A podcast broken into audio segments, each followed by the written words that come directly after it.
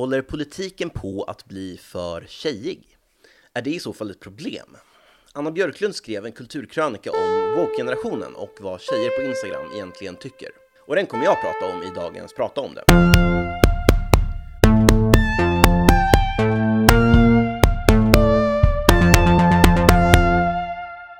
Björklunds huvudtes är att dagens generation woke inte är några upproriska aktivister, utan mer personer som bara vill att folk ska ha det trevligt. Hon exemplifierar med influensen Matilda Järv, som dels säljer sängkläder och bomullsskjortor, men också pratar mycket om psykisk hälsa och att inte exponera sig för jobbiga saker förrän man är full healed.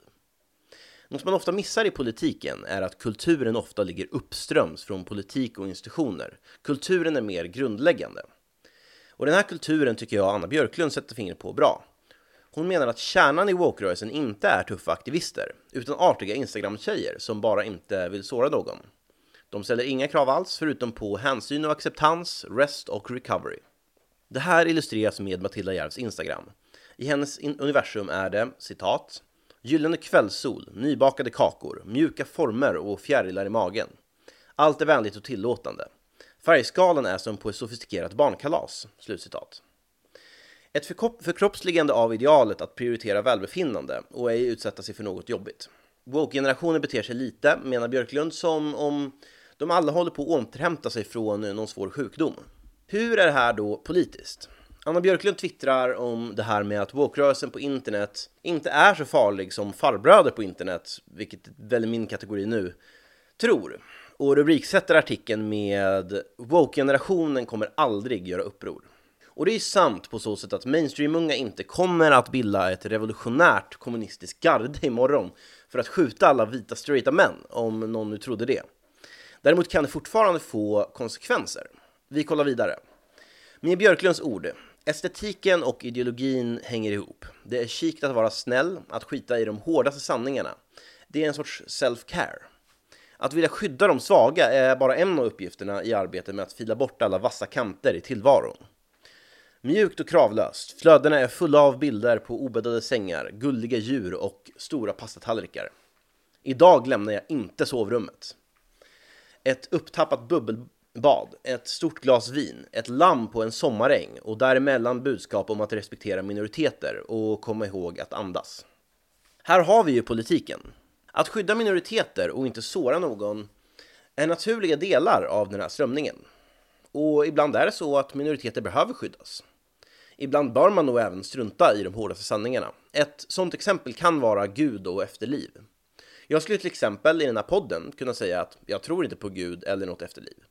Däremot om någon precis förlorat en anhörig skulle jag inte direkt pådyvla dem den åsikten, om det ger dem en tröst i den situationen. Varje ögonblick och varje situation är inte rätt för att hantera de hårdaste sanningarna. Men det finns situationer och ögonblick som är rätt. Som exempelvis, kan sådana saker, som om det finns ett efterliv eller inte, påverka hur man vill leva sitt liv? Och vad som kan vara förnuftigt att göra med den utsikten. Därför så vill i alla fall jag veta hur det är och att det ska gå att kunna föra en samhällsdiskussion om hur vi tror att det är. Ett område som ofta är fullt av komplexa frågor och hårda sanningar är politiken. Vilka som är berättigade till vad. Vad som är orättvist förtryck och bara olika utfall. Definitionen och utbredningen av rasism. Kopplingar mellan invandring och ekonomisk belastning av välfärdsstaten. Brottslighet, eh, vad kön egentligen är och vilka effekter det har på mänskligt beteende kan vara exempel på sådana frågor. Woke-generationen kanske inte kommer göra uppror, men det är en problematisk tendens om den, hos den. Om den bruk, brukar betrakta det här genom en lins av att vassa kanter bör filas bort. Att hårda sanningar ofta i praktiken blir mindre viktigt än att undvika att såra folk eller ställa sig på rätt sida. Vi har alla sett Instagram-kampanjerna som flödar efter olika politiska händelser. Några illustrerade streckgubbar, ofta ett förenklat budskap som hänger med. Att problematisera ett sådant budskap är att introducera en vass kant. Kritiken är ofta en jobbig och inte alltid mjuk och kravlös aktivitet. Kravet på logiskt hållbara argument och belägg är ju per definition inte kravlöst. Men det behövs för att kunna förstå världen. Och det är en situation jag ofta själv funnits mig i. Jag ska inte hålla på och klaga för egen del, men min erfarenhet är att det ofta inte tas emot bra. Det är som sagt inte i alla lägen det är rätt att ta upp hårda sanningar, men frågan är vad som får dominera Instagramflödena. Det är inte heller så att det bara per definition är helt harmlöst för att ideologin så att säga predikar harmlöshet. Det förekommer exempelvis ganska långtgående påståenden och krav i den hårda delen av vissa rörelser. Vi kan exempelvis kolla på kraven som ställs på den BLM-kopplade sidan Movement for Black Lives som innefattar mycket mer långtgående krav på separatism, begränsning av poliskårens befogenheter och reparations än vad majoriteten av de som gick ut och demonstrerade på gatorna eller delade Instagram-bilderna kanske tänkte sig. Eller teser om våldspyramiden, att allt från hur många kvinnor som är med i vissa filmer till edgy skämt är en del av ett slags stort kausalt mönster som i slutändan leder till kvinnomord. Det här är som sagt kanske inte mainstream-teser direkt. Däremot får man större utrymme att komma undan med sånt med en sån kantlös och minoritetsskyddande grundinställning. Varför måste man ifrågasätta de här sakerna så mycket? Det är ju ändå mycket mer synd om de här aktuella minoriteterna eller grupperna som drabbas. Vi vill ju bara väcka uppmärksamhet kring att det är dåligt att kvinnor mördas. Måste man lusläsa varje bild efter fel? Idéer som inte är helt kantlösa slipper igenom som en följd av den här kantlösheten. Och att den är egentligen mergad med en annan idé. Den om olika maktordningar. Att män och vita och straighta och så vidare är överordnade i samhället. Och att det därför är mer synd om de underordnade. Det gör att kritik mot de överordnade kommer undan i högre grad som följd i den här kantlösa strömningen. Eftersom det är en jobbig, hård sanning att ifrågasätta hur rimligt det till exempel är att springa runt och säga att man hatar män. Kritik mot de underordnade, de som framför manshatet till exempel, kommer följaktligen undan i eh, mindre grad. Alltså kritiken kommer undan i mindre grad.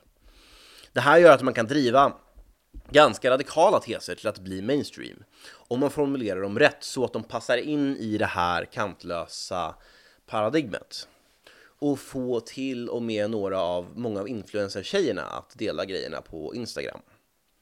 Det gör också att man effektivt neutraliserar mycket kritik.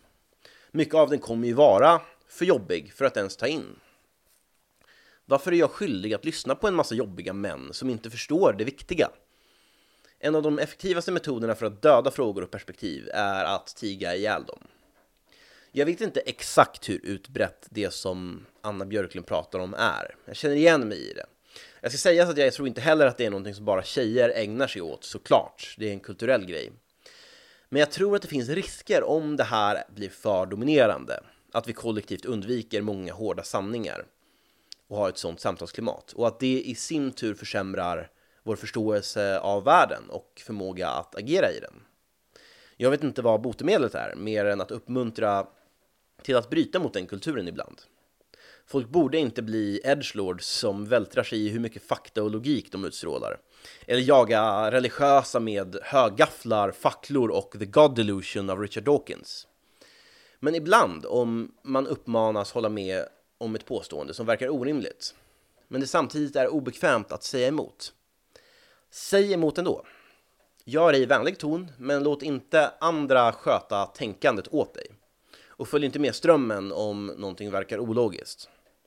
Att släppa igenom dåliga resonemang kan fungera i stunden, men i längden kommer det skapas små sprickor i vår förståelse av verkligheten, som gradvis kommer växa sig större, om man inte idkar kritik. En passande avslutning för en rant om tjejkultur är ett citat från Jordan Peterson. Slay the dragon in his lair before he comes to your village. If you run from the things you're afraid of, you run from what you need, in fact, to find.